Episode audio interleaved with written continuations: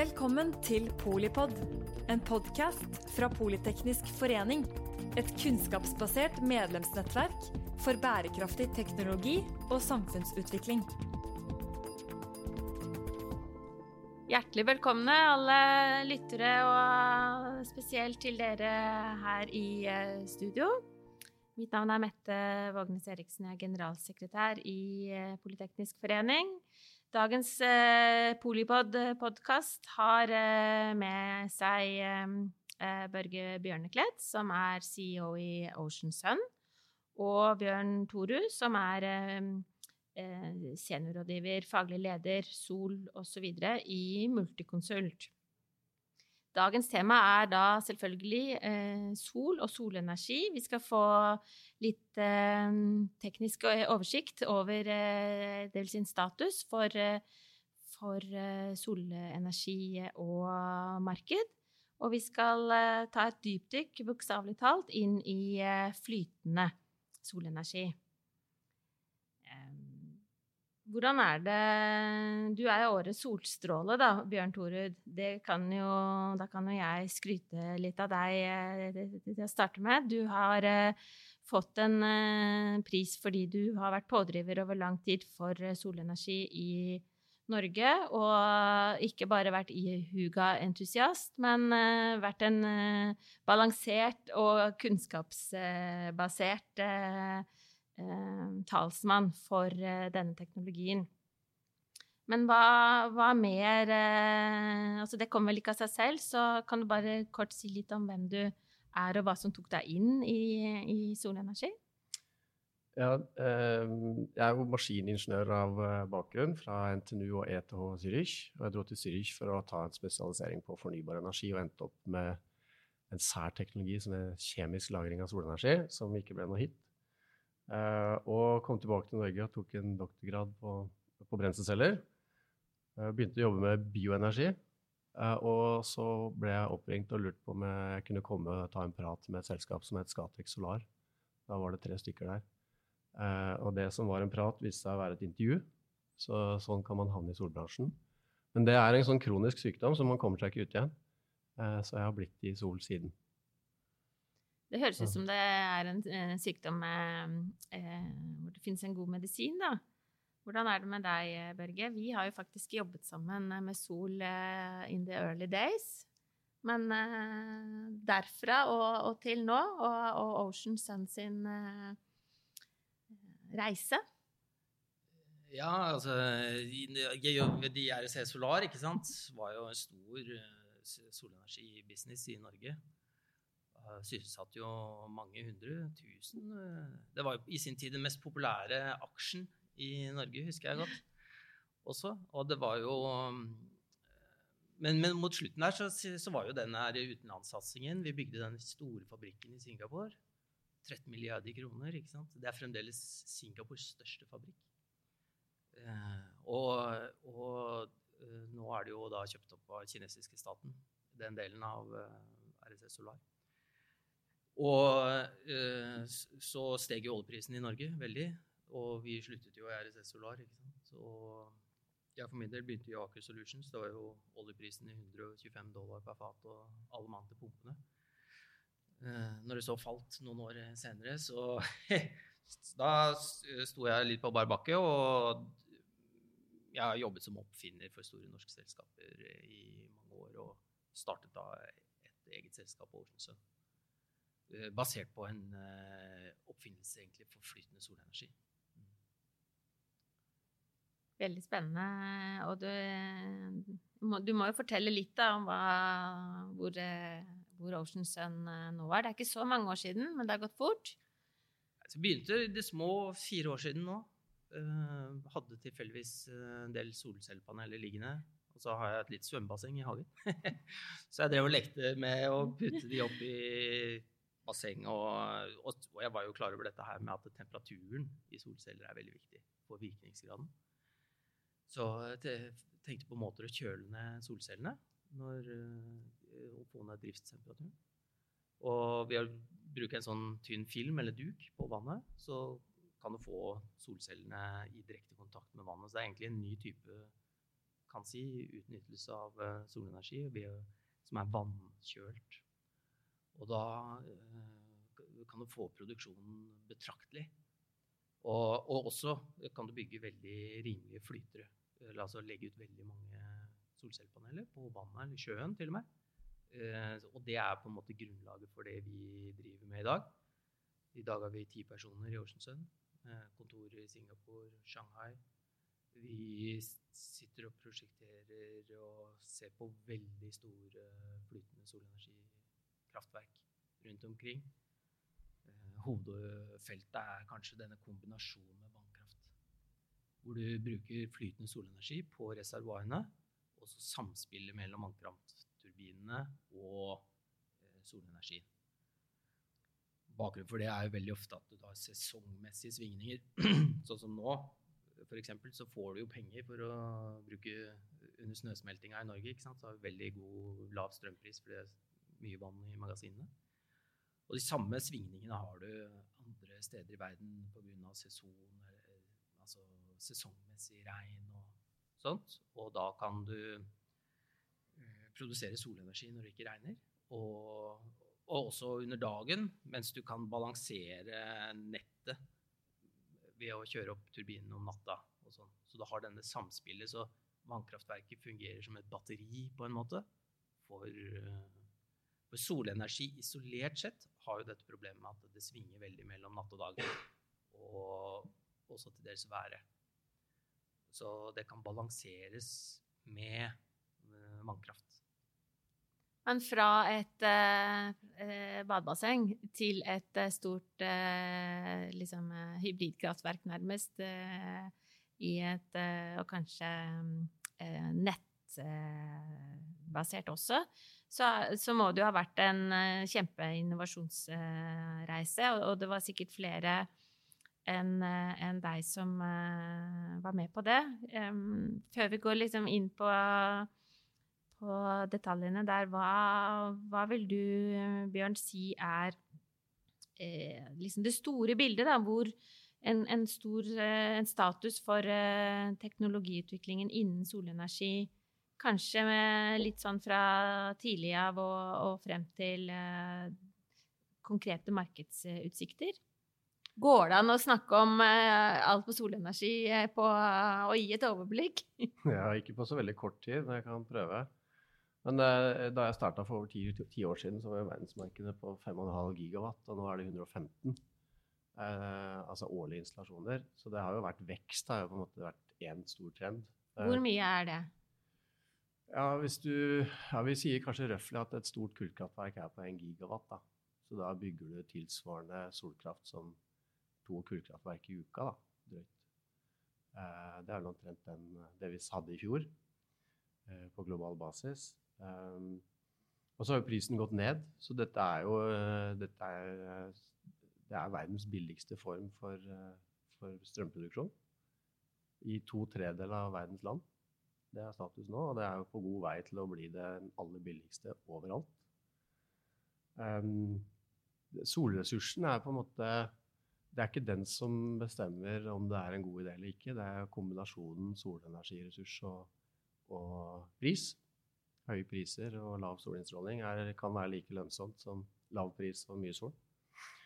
Men eh, hvis vi skal gå inn i sånne teknologiske utviklingen, så er det, er det en sånn eh, si, spesialisering og diversifisering. Det er eh, veldig mye Solceller er den eneste teknologien for å produsere energi som har samme virkningsgrad uansett skala. Um, så vi ser at det er et veldig stort marked innenfor det som vi kaller for picosystemer. Altså bitte små solceller, batterier og mobillader og lamper som går til erstatning av sånne parafinlamper i utviklingsland. Der har du jo en del spennende norske selskaper som uh, Bright Products og Tsunami og Solar Village og, uh, som, som, jobber med det her i Huland. Jeg tror Bright Products har solgt uh, 2-2,5 millioner lamper. eller sånt. Så det er ganske imponerende. og så har du mikronett, Altså, der hvor man ikke, ikke, er lønnsomt å strekke fram nettet i utviklingsland, så bygger du små nett for landsbyer. Da er jo eh, Synergy, et norsk selskap som holder på i Kamerun. Og Vatterud lager en sånn løsning for, å, for fakturering. Det er også veldig spennende. De er i Elfenbenskysten. Uh, og så ser vi også at i større skala, off-grid som vi kaller det, altså ikke tilkobla nettet, så, så um, har det lenge vært uh, billigere med sol enn diesel. Jeg tror, da jeg kikka på dette sist, så var det ca. 1000 TWh i året som ble produsert med diesel. Og det er nå nedadgående som følge av det her. Da. Og der har du jo norske selskaper Eh, Scatec Release og Cube og, som, som, eh, jobber i det markedet der, hvor det er nesten ultralønnsomt å bytte diesel med sol.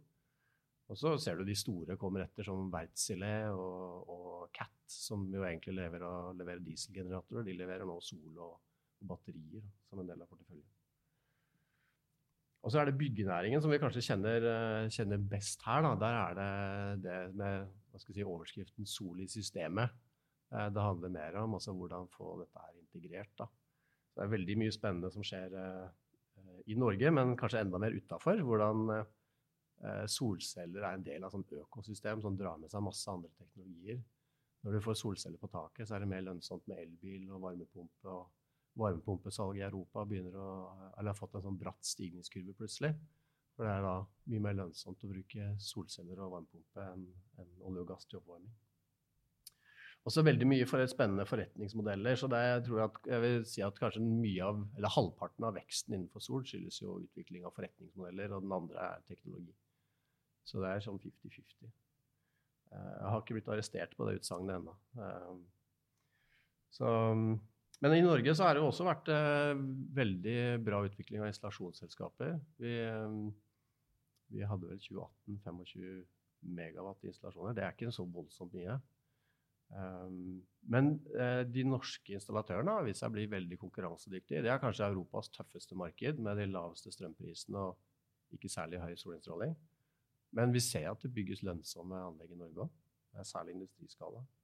Og prisbildet begynner å nærme seg uh, tyske nivå, som er en sånn benchmark. Um, og på industriskala og, storskala så er det en diversifisering som går på større moduler og høyere spenninger, som gjør at det, byggekostnaden synker. Det er ikke bare prisen på modulen, men du bygger mer effektivt. Det tar kortere tid å bygge. Vi så det på Logen Vinterbro, eh, som er da Rema 1000 sin distribunal sør for, eh, sør for Oslo. Så bygde jo første takmonterte 1500 volts-anlegg i fjor og kutta prisen med ca. 15% Så det var eh, og Det er den samme kraftverksteknologien som bygges i disse store solkraftverkene internasjonalt, da, som Scatec Solar, Equinor og, og Statkraft ser nærmere på. Da, som jo bygges i skalaer opp til en gigawatt. Så det er eh, Du trenger bare nok landareal. Og det er der dette her med flytende kommer inn. Da, at det, er, det, kan være litt kamp om landet, og da er eh, Foreløpig så er det jo mindre kamp om vannet.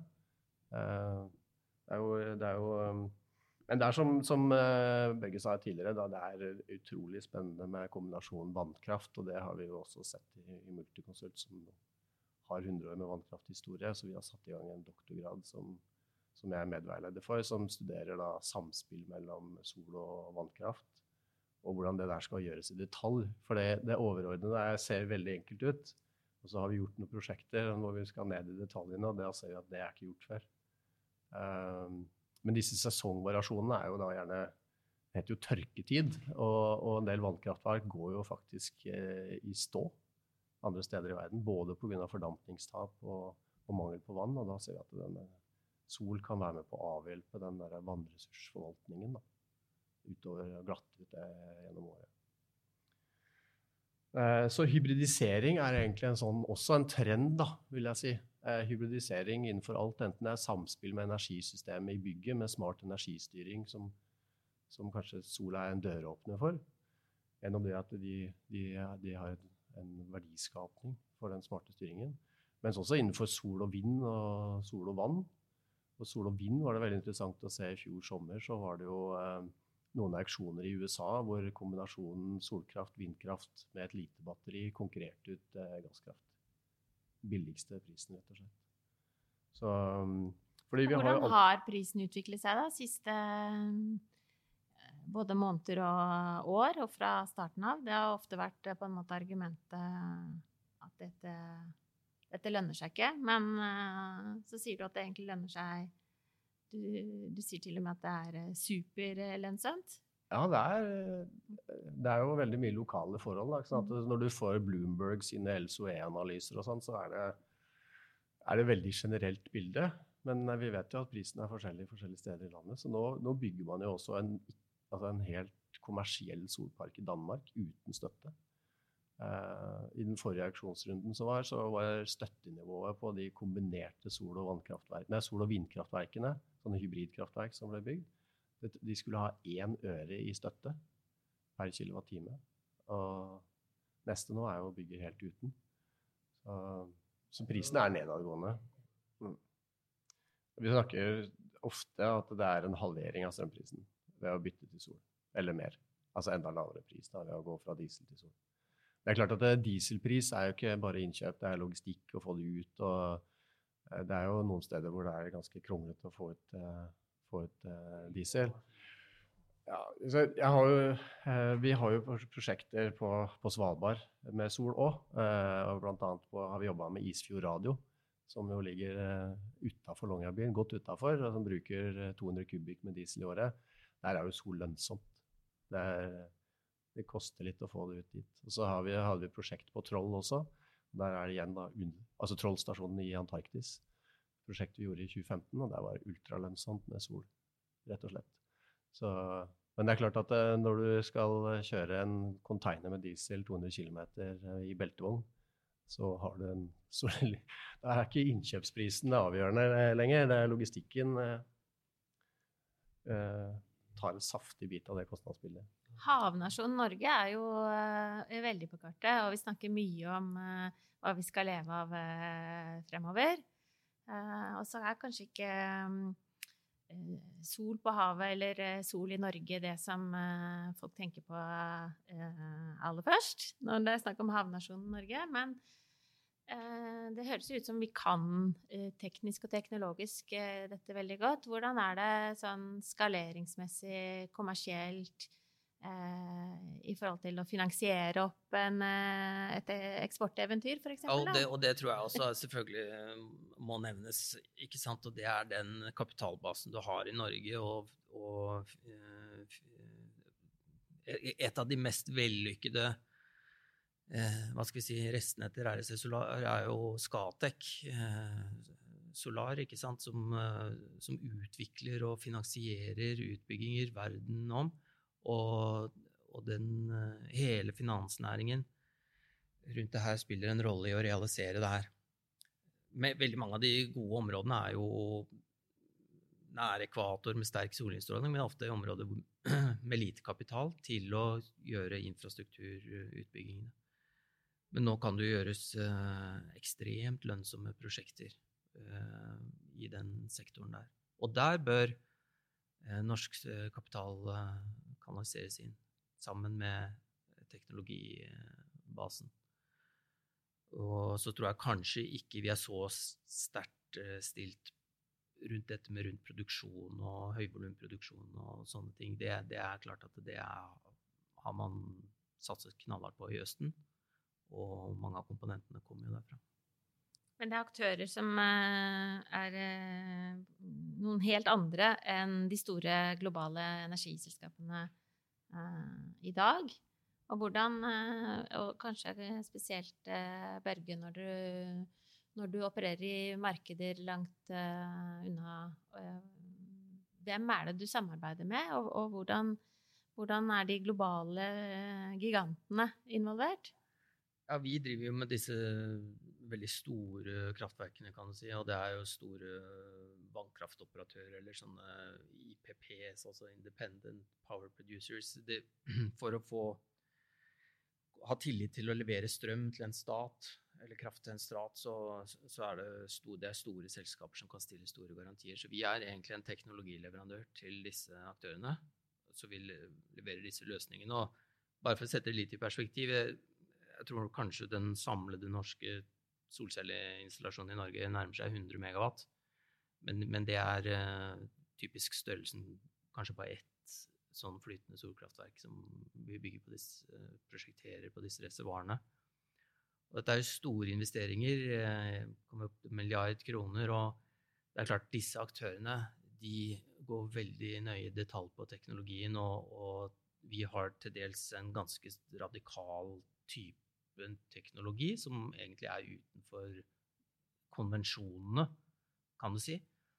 Eh, så, vi jobber egentlig mye med å kvalifisere den, slik at forsikringsselskaper og andre finansinstitusjoner har tillit til at disse eh, har en varighet på nedskrivingstiden.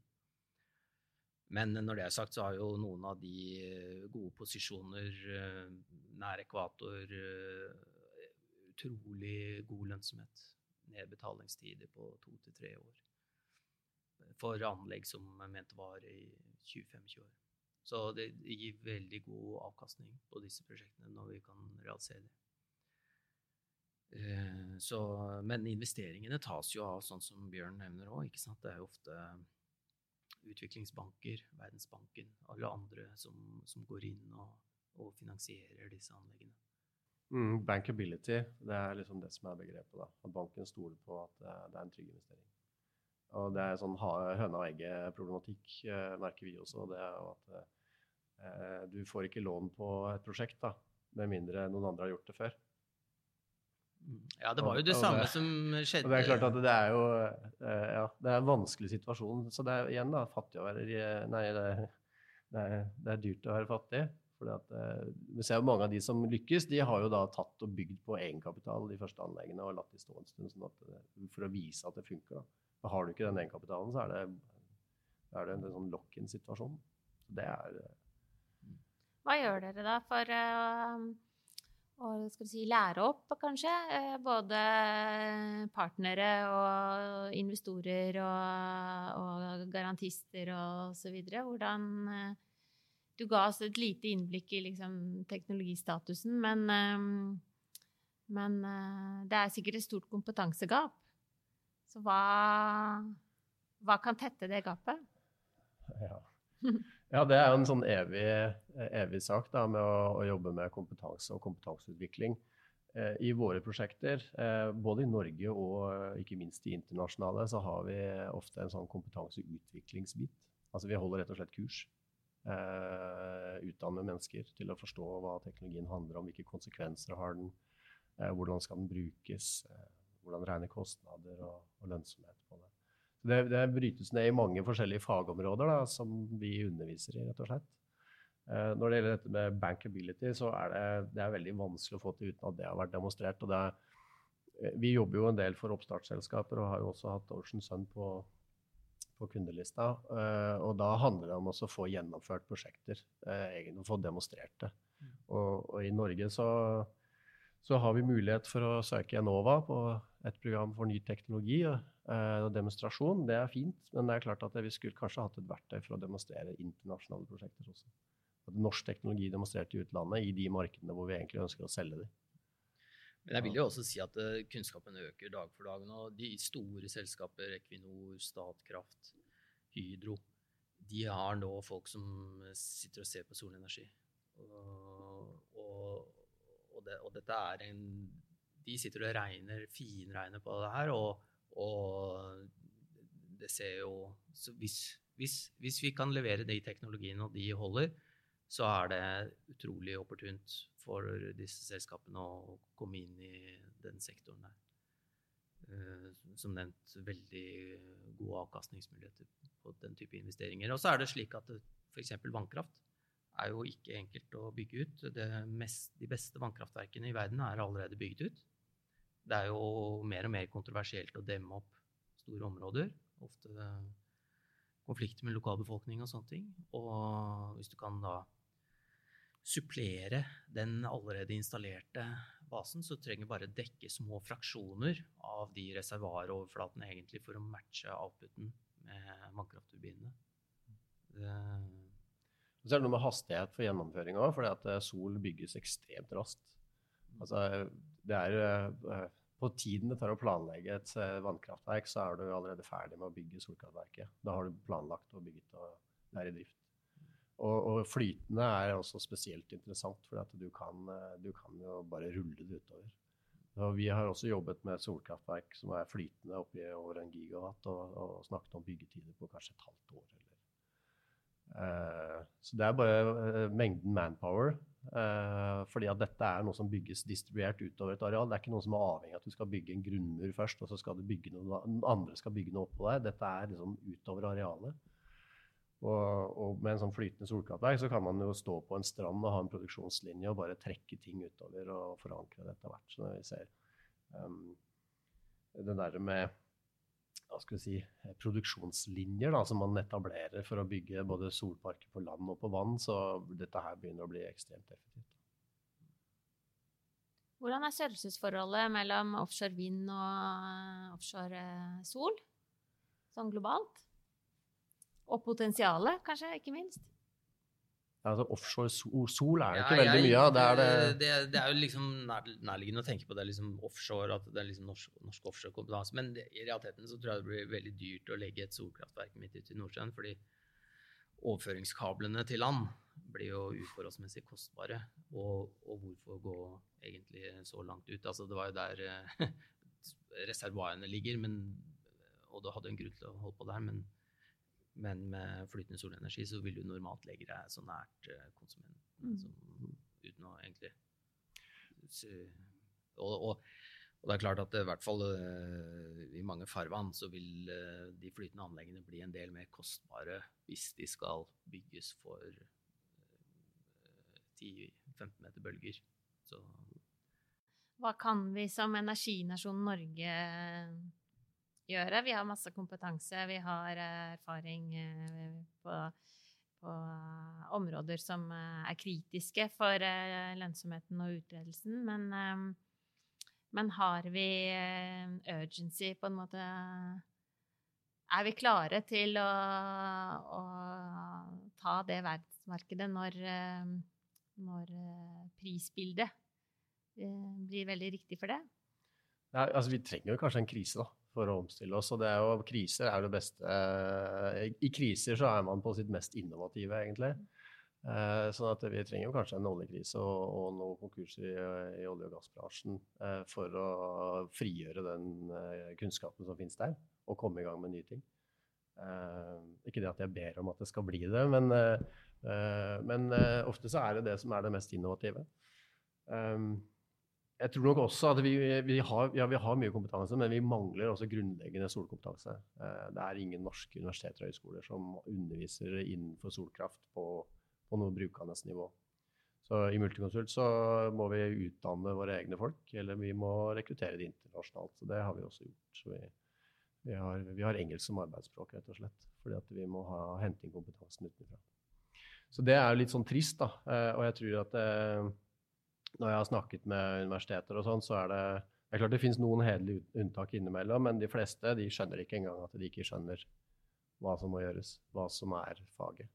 Så vi er liksom helt grunnleggende. Men det handler om systemkompetanse. da, altså Innenfor silisium og den historien vi har med RNC, og sånn, så er, jo, er det jo enormt mye dyktige folk. Men det å bygge systemer og, og kunne regne på systemer og, og, ikke minst bidra til å gjøre de effektive og kostnadseffektive, der er det litt sørgelige tilstander innenfor norsk utdanning. Da. Så er vi kanskje flinkere på forankring og de andre tingene som følger med. Men vi trenger egentlig begge deler. fordi at når jeg ser at vi jobber, når vi jobber i store tverrfaglige prosjekter og har inn den, den kompetansen som allerede finnes der, eh, så må man jo forstå problemstillingen. Og det handler om solkompetansen igjen. Hva er det vi skal lage her? Hva er problemstillingen? Hvordan skal dette funke? Hva er det som er viktig når vi skal bygge en solpark, enten den skal flyte eller stå på land? Da? Den kompetansen må vi også ha, og der, eh, der må vi. Ja, så må vi eh, jobbe med Politeknisk forening, ikke sant. Og med denne podkasten her, ikke sant. Så, ja, så sprer vi jo det gode uh, mulighetene innenfor det her feltet her. Så jeg tror det, dette kommer nå, og det er stadig flere som ser det og, og leser om disse tingene og blir klar over det.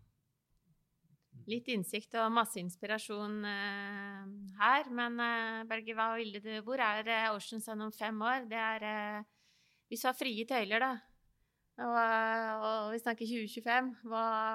Ja, da er det Det høres nesten svulstig ut, men, men, men, det har en potensial for å gjøre en Forrykke CO2-balansen på jorda, kan du si. Vi, vi, kan bygge tilgangen på rimelig fornybar energi for store deler av jordas befolkning. Eh, en elektrifisering eh, som eh, En bred elektrifisering og et totalt skifte i energiproduksjon. Det er det egentlig man står for, og som effektive flytende solkraftverk har et Altså, potensialet er limitless uh, på vannflatene, og spesielt hvis du går på sjøen, langs kyster og sånn. Så at det har et vanvittig potensial, er jo helt klart. Så dette er et race, et teknologirace, og, og, som per i dag ser veldig bra ut for vår del i konkurransen med altså investeringskostnaden for disse anleggene, og ikke minst produktiviteten med den spesielle teknologien som vi bruker, med den kjøleteknikken. Så, så, har vi i dag en veldig god posisjon. Men, men, det er helt klart at man trenger kompetente investorer. Og, og en kompetanse hos myndigheter og politiske Altså tilrettelegge for, den, for å realisere det potensialet. Det er det som eh, ja, vi må kjøre på med. Men eh, fantastiske muligheter. Det gleder vi oss til å følge med på. Jeg tror du skal komme tilbake en, eh, en, en gang før om fem år også. Kanskje litt jevnlig, for det er, jo, det er, jo, interessant å følge med på. Og spesielt fordi det har litt røtter til både norsk industrihistorie og, og egentlig den, det som vi er ganske gode på i Norge. Da. Prosessindustri sånn bredt, med mange kompetanser. Og, og vi har jo levert eh, eh si, systemløsninger eh, før til verden, hvor, eh, hvor, det tidligere ikke fantes noe. Um, det er en um, Jeg håper å, si at, at for livets glade gutter går uh, solen aldri ned. Og det Eh, det tror jeg gjelder. Jeg tror uh, kanskje Bjørn har noen avsluttende litt sånn eh, sluttkommentar til, til hvor vi ligger an i Norge i 2025. Ja, Etter at Børge har tatt, reddet verden, så Nei, Vi skal definitivt være med på det òg, men vi skal tjene penger samtidig. men det er jo I 2025 så satser jeg jo på at vi har fått dette her høyere opp på agendaen. Solenergi er liksom den glemte energikilden eh, i Norge når man ser på internasjonale muligheter. Og særlig kanskje det mulighetsrommet som ligger på flytende sol og, og, og hybridisering med vannkraft, og for så vidt og vindkraft òg. Eh, men som jeg sa, så har vi en underskog av veldig spennende flytende solselskaper. Vi har også internasjonale kraftselskaper og energiselskaper som jeg håper eh, eh, også vil bruke oss, selvfølgelig. Vi ønsker å være den huben som hjelper folk ut eh, med den kompetansen. Og vi gjør det allerede for noen selskaper. Eh, men det er kompetansebasen vi må bygge generelt sett i Norge. For jeg tror det gjennomsyrer både innenfor byråkrati og politikere. det, de, de kan ikke nok til å skjønne at dette er eh, hvor stort det er, rett og slett. Jeg, eh, før så har jeg tatt med meg folk på Intersolar og ut og, for å se hvor stort det er. Og de fleste blir De som har mer hår enn meg, da, i hvert fall, eh, de får bakoversveis. Um, så Eh, så jeg, jeg håper at uh, universiteter og høyskoler har uh, utdannet første kullet, i hvert fall, i og med at det tar fem år med masterstudenter som er gode på dette her. Um, Solklyngen har jo også identifisert det som et av de viktigste satsingsområdene. Det at uh, vi har økt kunnskap om sol. Og så tror jeg at med det kunnskapsøkningen så vil for å si det sånn, sagt på en annen måte, Vi hadde hatt mye mer sol i Norge hvis flere hadde hatt den kunnskapen som som finnes der. Eh, fordi da klarer man faktisk å bygge lønnsomme anlegg. Men eh, i hvert fall i storskala i Norge, på tak, eh, på eneboliger, så er det fortsatt litt jobb å gjøre. Men eh, så håper jeg virkelig at det kommer høyere opp på agendaen. Eh, som en eh, mulighet for norsk næringsliv. vi har i hvert fall det veldig høyt på agendaen og ser at vi får prosjekter vi har akkurat vunnet et prosjekt nå i Afrika på tre flytende vannkraftverk. Så, så vi ser at etterspørselen er der. Og så har jeg selvfølgelig lyst til å legge til, eh, litt stolt, at eh, vi har jo hatt fokus på hybrid sol- og vannkraft siden 2012, men eh, er også omtalt som eh, det internasjonalt ledende konsulentselskapet på flytende sol av våre konkurrenter. Det liker vi. Uh, men det er Jeg håper jo å få veldig tøff konkurranse på det. Hvis vi skal lykkes, så er det jo flere enn bare oss som skal drive med det her. Og ikke minst olje- og gassbransjen håper jeg virkelig tar tak i det. De, har, de kan alt det andre unntatt sol. Dette er uh, lovende. Det er uh, en optimistisk avslutning på, på um, dagens podkast, men med helt sikker klar oppfølging i forhold til kanskje enda mer konkret på prosjekter. Det hadde vært gøy å høre enda mer om, om hva som konkret skjer, og, og hvordan å få, å få noen visuelle bilder på det også. Tusen takk til uh, Børge og uh, Bjørn. Vi uh, ser frem til og ønsker all mulig lykke til. Ja, tusen takk for at vi kom med. Takk for at vi kom med.